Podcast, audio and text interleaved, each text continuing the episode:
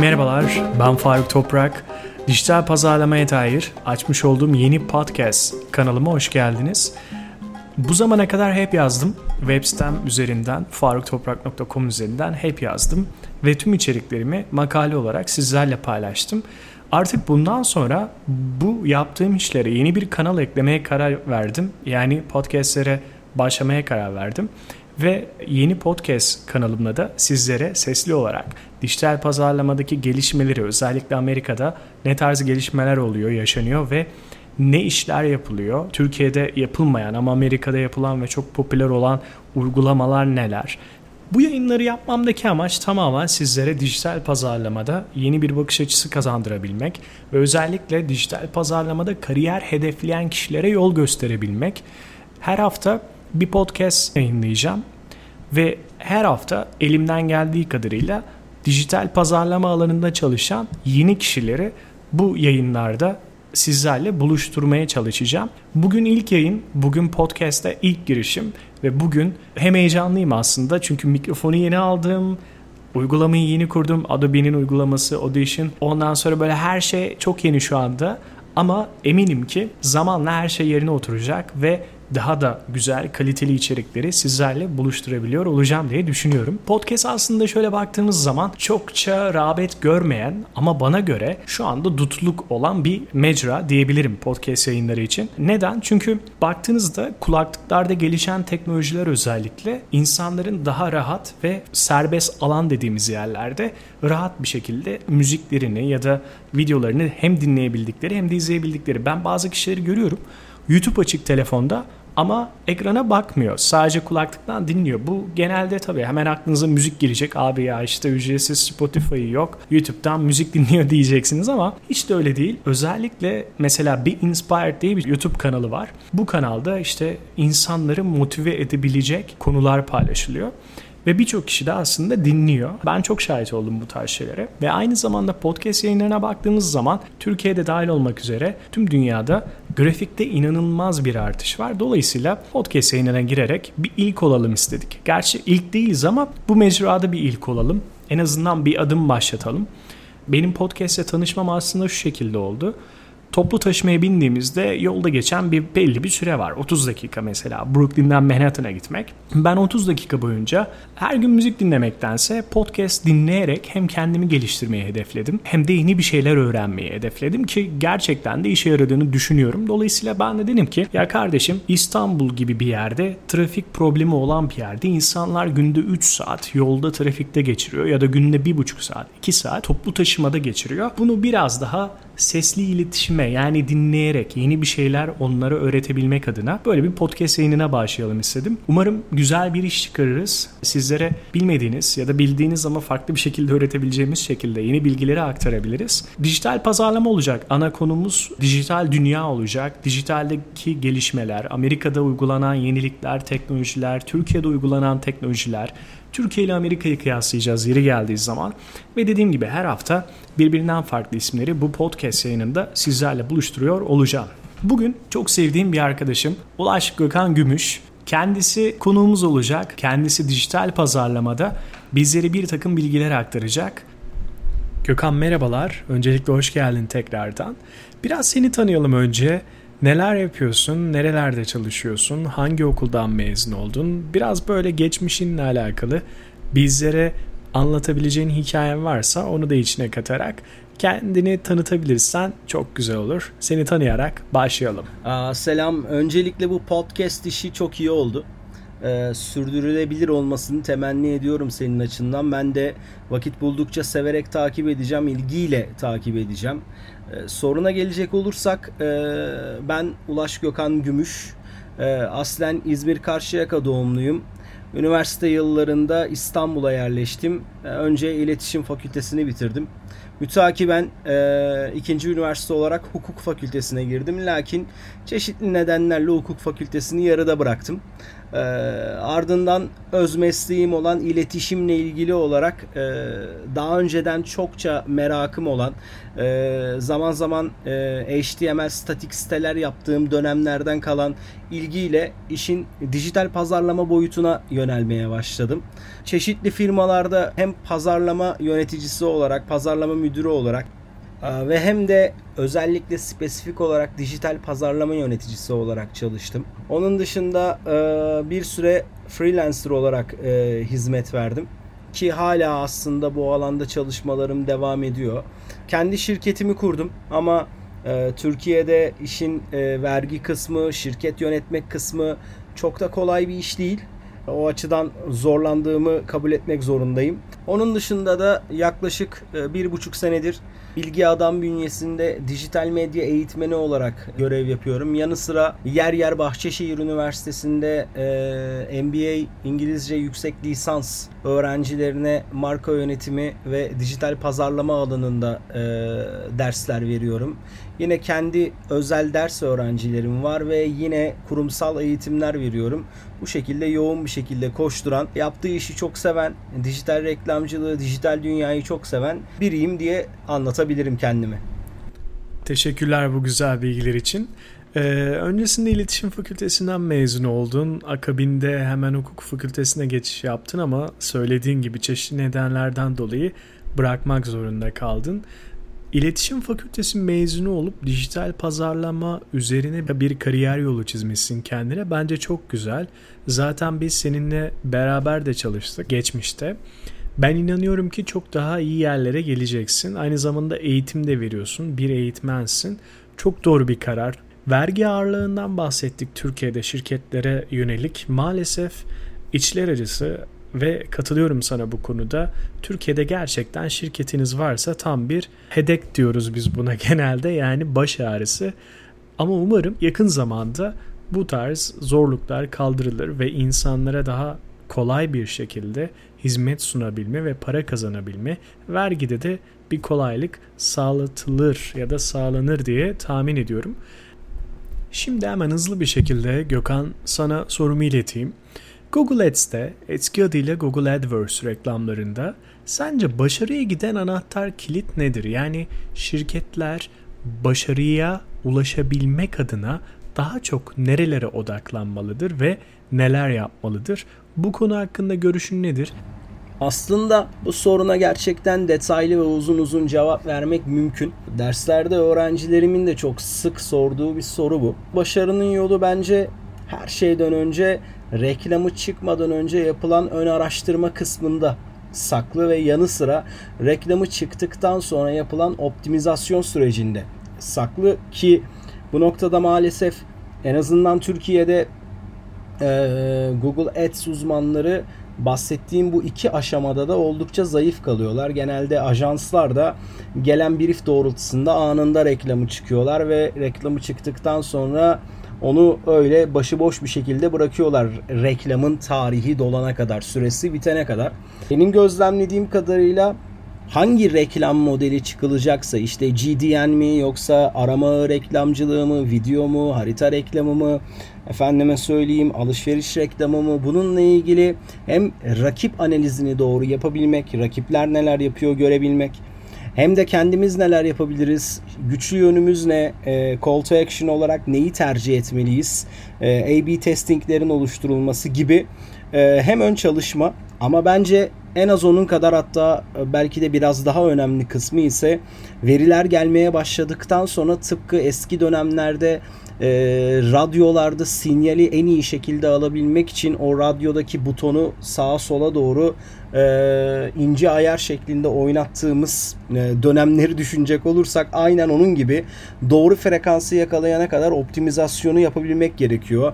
Çünkü dijital reklamcılıkta belki de net olarak söyleyebileceğim şey şudur ki herhangi bir kampanyayı kurarken oluşturduğum metrikler hiçbir zaman kampanya sonuçlandığı zaman aynı kalmıyor. Ve dolayısıyla e, bazen öngördüğün gerçekler gerçeklikle örtüşmüyor. Ve dolayısıyla doğru optimizasyon, kitlenin tepkisini doğru ölçebilme, hedef kitlenin tepkisini doğru ölçebilme ve reklamı yeniden revize ve optimize edebilmek bence başarının önemli kriterlerinden iki tanesi bu saydığım. Tabii ki bununla da sınırlı değil. Örneğin GDN reklamı çıkılıyorsa kullanılan görseller işte hareketli bir görsel mi, e, hedef kitleye uyan bir çalışma mı, kullanılan call to action e, cümleler, bütün bunların tabii ki de etkisi var ama bence değişmeyen gerçek e, rahatlıkla söyleyebilirim ki yapılan ciddi bir ön çalışma ve e, reklam başladıktan sonra veriler akmaya başladıktan sonra e, gerçekleştirilen optimizasyon işlemidir. Ben böyle düşünüyorum. Gerçekten özellikle son dediğin cümle ben böyle düşünüyorum. Bayıldım. Ee, ben sana kesinlikle katılıyorum. Neler dedik? 3 tane madde saydık. Hemen bunları bir tekrar gözden geçirelim. Bir dedik ki ön araştırma yani reklama çıkmadan önce AdWords yöneticilerinin ya da Google Ads yöneticilerinin bir ön araştırma yapması gerekiyor. Ben buna %100 katılıyorum. Özellikle burada söylediğim bir şey vardı. Rakip araştırması. Yani rakipler neler yapıyor ya da hedef kitle yönelik bir ön araştırma olabilir. Hedef kitle neleri seviyor? Hedef kitle nelerden hoşlanıyor ya da o hedef kitle hangi cümlelerle? Bu da söylediğin aslında üçüncü şey. Üçüncü maddeydi. Call to action'lardan bahsettik. Yani harekete geçirici mesajlar neler olmalı neler içermeli şeklinde. Güzel. Ön araştırma dedik. Call to action'lar, görseller hedef kitleye uyuyor mu dedik ve reklamı çıktıktan sonra da optimizasyon. 3 tane saydık. Optimizasyona da %100 katılıyorum. Ve çok güzel bir noktaya değindin. Dedin ki özellikle ajanslar gelen brief doğrultusunda reklam çıkıyor. Bitiriyor olayı. Burada ön araştırma da yapmıyor ve akabinde optimizasyon da yapmıyor. Evet e, buna da katılıyorum ve bununla alakalı hatta güzel hikayeler var. Bunları daha sonraki podcastlerde paylaşacağım. Neden ajanslarla çalışmalıyız ya da neden ajanslarla çalışmamalıyız? Bu bütçeye mi bağlı yoksa şirkete mi bağlı yoksa sektöre mi bağlı şeklinde ilerleyen günler, ilerleyen haftalarda daha doğrusu günlerde değil güzel podcast yarışmalarında bunlardan da bahsediyor olacağım. Güzeldi gerçekten çok başarılı bir açıklamaydı ve başarıya gidebilmek için bu üç tane maddeye dikkat etmek gerekiyor. Elbette burada 4 olur, 5 olur, 6 olur. Bu maddeleri uzatabiliriz de. Hatta bu maddeler bazen sektörden sektöre de değişebilir. Ama çoğunlukla bu üç maddeye de önem vermek gerekiyor. Pekala bir diğer soruda Gökhan Google Ads yani Google AdWords hala AdWords diyoruz kurtulamadık bir türlü. Google Ads Türkiye'de sence yeterli mi? Yeterli miden kastım destek servisi, ödeme servisi, müşteri hizmetleri vesaire anlamında bu zamana kadar yapmış olduğun çalışmalar ve deneyimleri istinaden Google Ads ile alakalı herhangi bir problem yaşadın mı? Yaşadıysan da bizimle paylaşabilir misin? Ee, Türkiye'de bu işin yeni yeni oturmaya başladığını dikkate alacak olursak aslında durumda hiç fena değilmiş gibi geliyor bana. Ee, Google Ads'in sağladığı hizmetler ki Türkiye'de e, Google Dom aracılığıyla e, oradaki agentlar aracılığıyla bu durum gerçekleşiyor.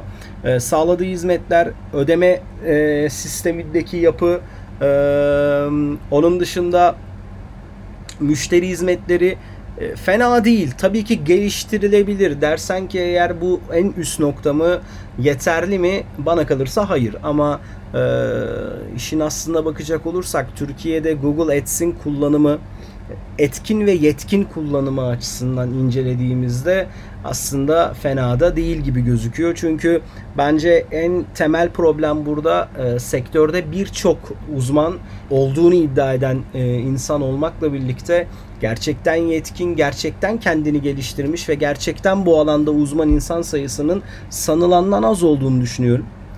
Şöyle bir tecrübeyle örnek verebilirim. Bazen firmalara mülakatlara katılıyorum. O da şöyle bir firma dijital alanda bir çalışan bir yönetici alacakken genelde İK'da çalışan arkadaşlar onlara ne soracağını bilmiyorlar ya da soruyu bilseler bile gelen cevabı nasıl yorumlayabileceklerini bilmiyorlar. O nedenle ben de e, bu tür e, iş görüşmelerinde müdahil oluyorum ve bir dijital alanda bir adaya soruları sorup onun verdiği cevapları yorumlayarak böyle bir destek sağlıyorum. Ve böyle bir günde içeride Google Ads yöneticisi bir hanımefendiyle top, toplantı yaptığımızda, görüştüğümüzde e, laf döndü dolaştı dönüşüm kodlarına geldi ve firma olarak dönüşüm kodlarını kullanmadıklarını çünkü bu konuda çok da fazla bir şey bilmediğini söylediğinde oldukça şaşırmıştım. E, çünkü kendisi e, dijital pazarlama yöneticisiydi. E, alelade bir eleman da değildi. Dolayısıyla Türkiye'de ahval bu durumdayken bence e, gelişmeye açık çok fazla konu varken e, aslında verilen hizmet açısından durumu değerlendirdiğimizde çok da fena değil diyebilirim. Lakin yine altını çizmeliyim bu konuda. E, üstad demeliyim ki o burada da gelişmeye açık, geliştirilebilir. Google hem Google açısından buraya verilen hizmet anlamında hem de bu hizmeti kullananlar anlamında çok fazla yol kat etmek gerekiyor diye düşünüyorum. Kesinlikle katılıyorum. Google'da mı özellikle Türkiye'de güzel etkinlikler sağlıyor. Ajanslar aracılığıyla sağlıyor tabii ki de bunu. Ve birçok firmaya, birçok kişiye dijital pazarlama kariyeri hedefleyen kişilere etkinlikler ve sertifikalar alma konusunda özellikle birçok e, eğitimler düzenliyorlar. Ben Google AdWords İstanbul ofisindeydim. TechFan Tower'da. Valla çok güzel ofisleri var. Oraya toplantıya gitmiştik. Bizim account Google e, yöneticisiyle. Çok e, keyifli geçmişti. Google'un Türkiye'deki yeri sadece orası diyebiliyorum ben. Beşiktaş, İstanbul. Dome'de farklı bir yerde. Biz Gökhan hatta Dome'de tanışmıştık. E, Dome'den bugüne kadar uzanan bir dostluk diyebilirim. E, ve diğer konuda da firmalar, dijital yöneticiler konusunda evet özellikle işe alımlarda çok doğru bir e, tespit bence bu. Kişi bir yönetici, bir menajer ama dijitale dair çok şey bilmeyebiliyor. Bu özellikle daha çok kurumsal firmalarda yaşanan bir durum. Bir de bunun Marcom adı altında yani Marketing and Communication ya da Türkçesiyle kurumsal pazarlama altında işte bir tane pazarlama müdürü olur ama dijitalden anlamaz. O pazarlamanın içinde hem offline hem online olur. Böyle dijital ve offline taraf olur. İlginçtir. Hatta benim de bir deneyimim var. Böyle bir deneyimim var. Ee, ama tabii ki de bence firmaları da özellikle işe alım konusunda destek olunması gerekiyor dışarıdan diye tahmin ediyorum. Ee, ben hatta şunu biliyorum. Firmalar İK tarafı özellikle dijital pozisyonuna başvuran kişileri özel bir teste tabi tutuyorlar. Bu test sorularını da internetten alıyorlar tabii ki de. Marketing web sitelerinden, dijital marketing ve İngilizce hatta. Özellikle kurumsal firmalar yapıyor böyle. Ee, bunun da faydalı olduğunu düşünüyorum ama tabii ki de dışarıdan destek konusunda %100 katılıyorum sana. Peki Gökhan, teşekkürler bütün bu cevabın için. Son sorum ise dijital pazarlamada kendini geliştirmek isteyenlere yönelik önerilerin nelerdir? Neler yapmalarını öneriyorsun? Hangi kaynaklara çalışmalarını öneriyorsun? Ve hangi konularda kendilerini geliştirmeliler? Bu podcast'i yapmamızdaki amaç tamamen kullanıcılara, kişilere, dijital pazarlamada kariyer hedefleyen kişilere yol gösterebilmek ve bir bakıma da onlara yardımcı olabilmek ve e, senin de görüşlerini bu konuda hem onlara da iletmiş olalım. Neler düşünüyorsun? Dijital pazarlamada kariyer yapmak isteyen kişilere neler öneriyorsun? Bu sorunun cevabı aslında çok basit bence. Ee, ama uygulaması da bir o kadar zor. Bu alanda kariyer elde etmek isteyen insanların kariyeri boyunca öğrenci kalmayı kabul etmesi gibi bir gerçek var. Ve bence e, kendilerinde kabul edecekleri ilk nokta bu olması gerekir. Çünkü sistem o kadar hızlı gelişiyor ve o kadar hızlı yenilikler ekleniyor ya da değişimler gerçekleşiyor ki örnek veriyorum bugün iyi bir dijital reklamcı, iyi bir iyi bir dijital pazarlamacı e, mesleği iki sene bıraktığı zaman geri geldiğinde aslında kendini çok daha geride kalmış hissedecek bir noktada olacaktır. Çünkü bazen derslerde de başıma geliyor. Örneğin e, bir sınıfla birlikte süreci tamamladığımızda yeni bir sınıfla başa döndüğümde örnek örnek veriyorum Facebook Business Manager paneline bir giriyorum. Her şey değişmiş, yeni şeyler eklenmiş.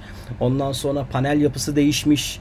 Dolayısıyla kendini bu sektörde sıcak tutmak zorundasın. Gelişmeleri takip etmek zorundasın 2019'da işte e, Google'un e, SEO'da algoritmada yaptığı yenilikler neler? İşte news etiketi taşıyan sitelere karşı tavrı nedir? Ondan sonra e, Google Live Marketing e, her yıl gerçekleşiyor. Bunu takip etmek lazım. Facebook'un F8 toplantılarını takip etmek lazım. Dolayısıyla aslına bakmak gerekirse bu sektörde çalışan biri doktorluk gibi ya da avukatlık gibi çok fazla bilgiyi edindikten sonra çok fazla statik bir şekilde kalamaz. E, çünkü gelişmeler belki de e, hayatım boyunca birçok sektör gözlemledim iş hayatında. Bu kadar hızlı gelişmenin olduğu ve bu kadar e, hızlı eskiyebildiğin bir e, alan daha önce hiç görmemiştim. Dolayısıyla e, birinci tavsiyem e, kesinlikle her an öğrenci kalmayı kabul etmek. E, her an gelişmeleri takip etmek zorunda olduğunu bilmek.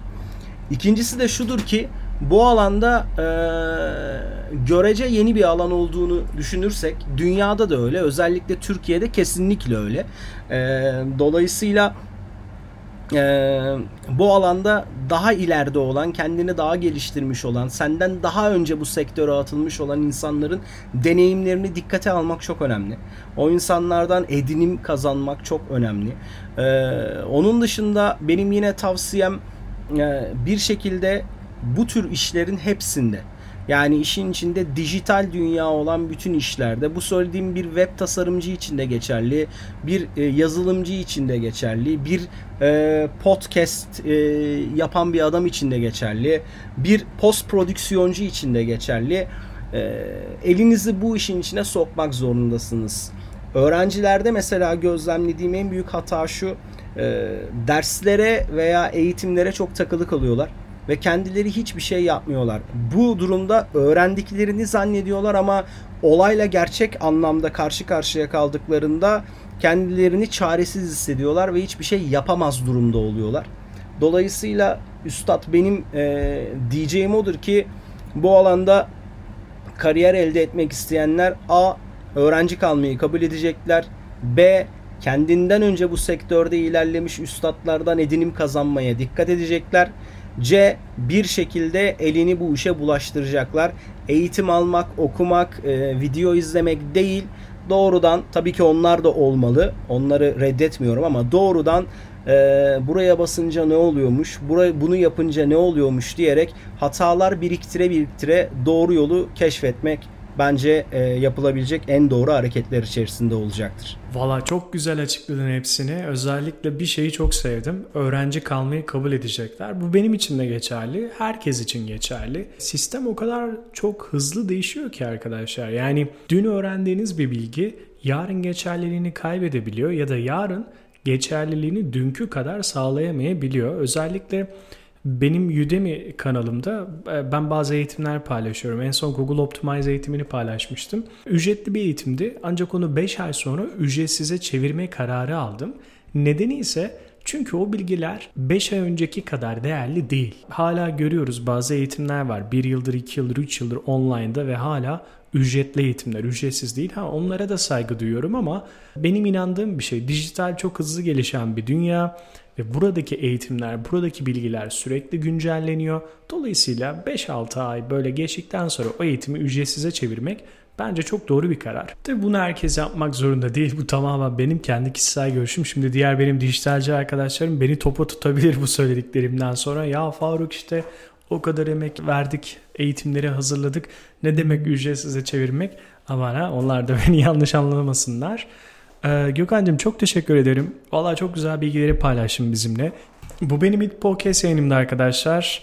Umarım beğenmişsinizdir. Gökhan Gümüş benim konuğumdu bugün. gökhangümüş.com kendisinin web sitesi. Web sitesi üzerinden de Gökhan'la iletişime geçebilirsiniz. Eğer dijitale dair merak ettiğiniz, aklınızda takılan sorular varsa Gökhan'la da direkt web sitesi üzerinden iletişime geçebilirsiniz.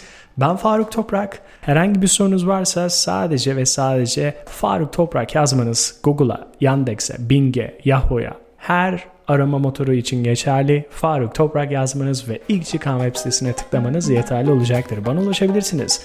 Bir sonraki podcast'e kadar kendinize çok ama çok iyi bakın. Hoşçakalın. Bye bye.